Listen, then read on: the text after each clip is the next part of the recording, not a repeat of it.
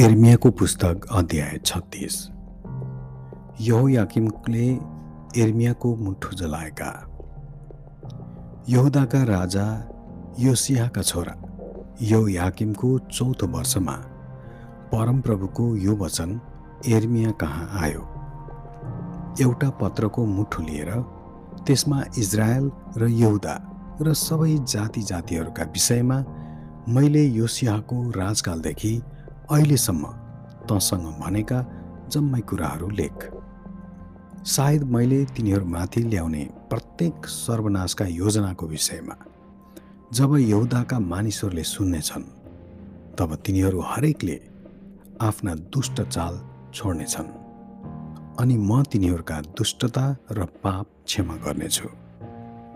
एर्मियाले नेरियाका छोरा बारुकलाई बोलाए र बारुकले एउटा पत्रको मुठोमा एर्मियाले लेखेका सबै कुरा परमप्रभुले एर्मियालाई भन्नुभएको थियो सो लेखे। तब एर्मियाले बारुकलाई भने मलाई मनाइ छ।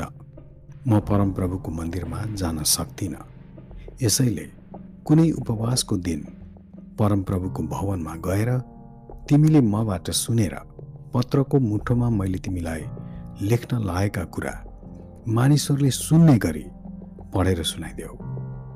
यहुदाका नगरहरूबाट आएका सबै मानिसहरूले सुन्ने गरी पढेर सुनाइदेऊ।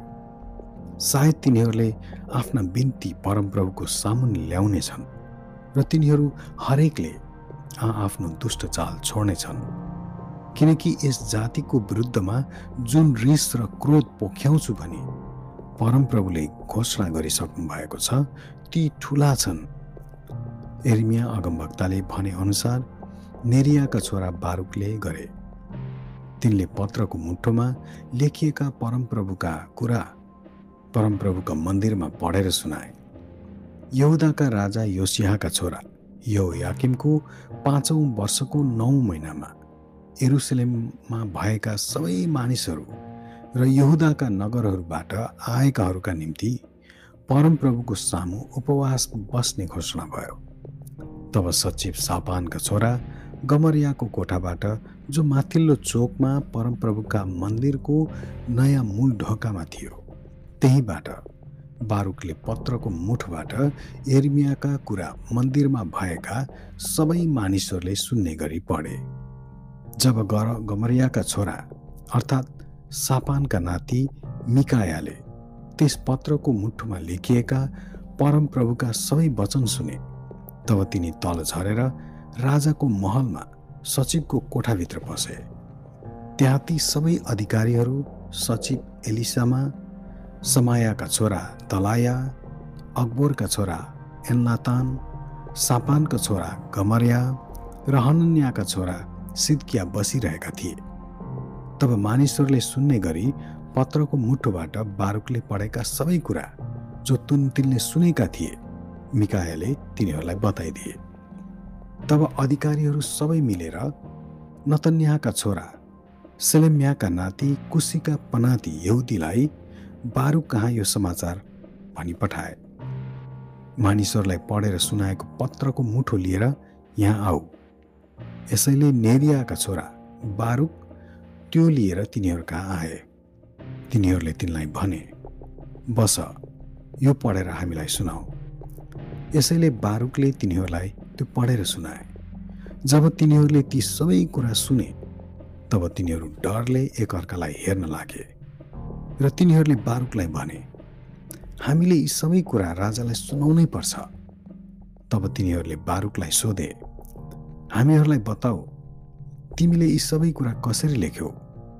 कि एर्मियाले लेखाएअनुसार तिमीले लेखेका हौ? बारुकले तिनीहरूलाई जवाफ दिए उहाँले नै मलाई यी सबै कुरा लेखाउनु भयो र मैले चाहिँ यो पत्रको मुठोमा मसीले लेखेँ। तब ती अधिकारीहरूले बारकलाई भने तिमी र एर्मिया दुवै गएर लुका। तिमीहरू कहाँ छौ भने कसैले थाहा नपाओस्।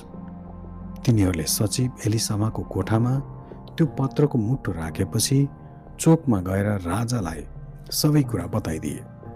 तब राजाले त्यो पत्रको मुठो ल्याउन भनी यहुदीलाई पठाए। र तिनले सचिव एलिसामाको कोठाबाट त्यो निकालेर ल्याए अनि राजा र राजाका छेउमा उभिरहेका अधिकारीहरूलाई त्यो पढेर सुनाए। नौ महिना थियो। यसैले राजा हिउँदमा बस्ने कोठामा बसिरहेका थिए। तिनको अघि मकलमा आगो बलिरहेको थियो। तब यहुदीले तिन चार खण्ड पढिसके। तब राजाले कागज काट्ने चक्कुले ती काटेर मकलमा हालिदिए। त्यो जम्मै पत्रको मुठो मकलमा भस्म नभएसम्म तिनले त्यसो गर्दै रहे। राजा र तिनका टहलुवाहरू यी कुरा सुनेर डराएनन् न त तिनीहरूले आफ्ना लुगा थिच्याथे एलनातान दलाया गरमा गमरियाले राजालाई त्यो पत्रको मुठो नजलाउनुहोस् भनी बिन्ती गर्दा पनि तिनले तिनीहरूको कुरामा ध्यानै दिएनन्। त्यसको सट्टा राजाले आफ्ना छोरा एर्मालिम एजरियलका छोरा सराया अब्दिलका छोरा सिमेलियालाई लेखक बारुक र एर्मिया अगमभक्तलाई पक्रेर ल्याउने हुकुम गरे तब परमप्रभुले तिनीहरूलाई लुकाउनु भएको थियो। एर्मियाले लेखे अनुसार बारुकले लेखेको पत्रको मुठा राजाले जलाइदिइसकेपछि परमप्रभुको यो वचन एर्मिया कहाँ आयो? अर्को एउटा पत्रको मुठुमा यहुदाको राजा यहो याकिमले जलाइदिएको अघिको पत्रको मुठामा भएका सबै कुरा लेख। अनि यहुदाको राजा यहो याकिमलाई भन् परमप्रभु यसो भन्नुहुन्छ तैँले त्यो पत्रको मुठो जलाइस् र भनिस् बेबिलोनका राजा आएर निश्चय नै यो देश नष्ट पार्छन् र उनले मानिस र पशु दुवैलाई नामेट गर्छन् भनी किन तैँले त्यसमा लेखिस्? यसै कारण यहुदाको राजा यहो याकिमको विषयमा परमप्रभु यसो भन्नुहुन्छ दाउदको सिंहासनमा बस्ने अब त्यसको कोही सन्तान हुने छैन। त्यसको लास दिउँसो घाममा र राति शीतमा पडिरहने गरी फालिनेछ। म त्यसलाई त्यसका सन्तानलाई र त्यसका टहलुवाहरूलाई तिनीहरूका दुष्टाइको निम्ति दण्ड दिनेछु। म तिनीहरूमाथि र एरुसलेममा बस्नेहरू र यहुदाका मानिसहरूमाथि ती सबै सर्वनाश ल्याउनेछु जसको घोषणा मैले तिनीहरूका विरुद्धमा गरिसकेको छु। किनभने यी कुरामा तिनीहरूले ध्यानै दिएनन्। तब एर्मियाले अर्को एउटा पत्रको मुठो ल्याएर नेरियाका छोरा लेखक बारुकलाई दिए र तिनले एर्मियाले लेखाए अनुसार यहुदाका राजा यहु याकिमले आगोमा जलाइदिएको पत्रको मुठोका सबै कुरा त्यसमा लेखे अनि त्यस्तै अरू धेरै कुरा पनि त्यसमा थपिए। आमेन।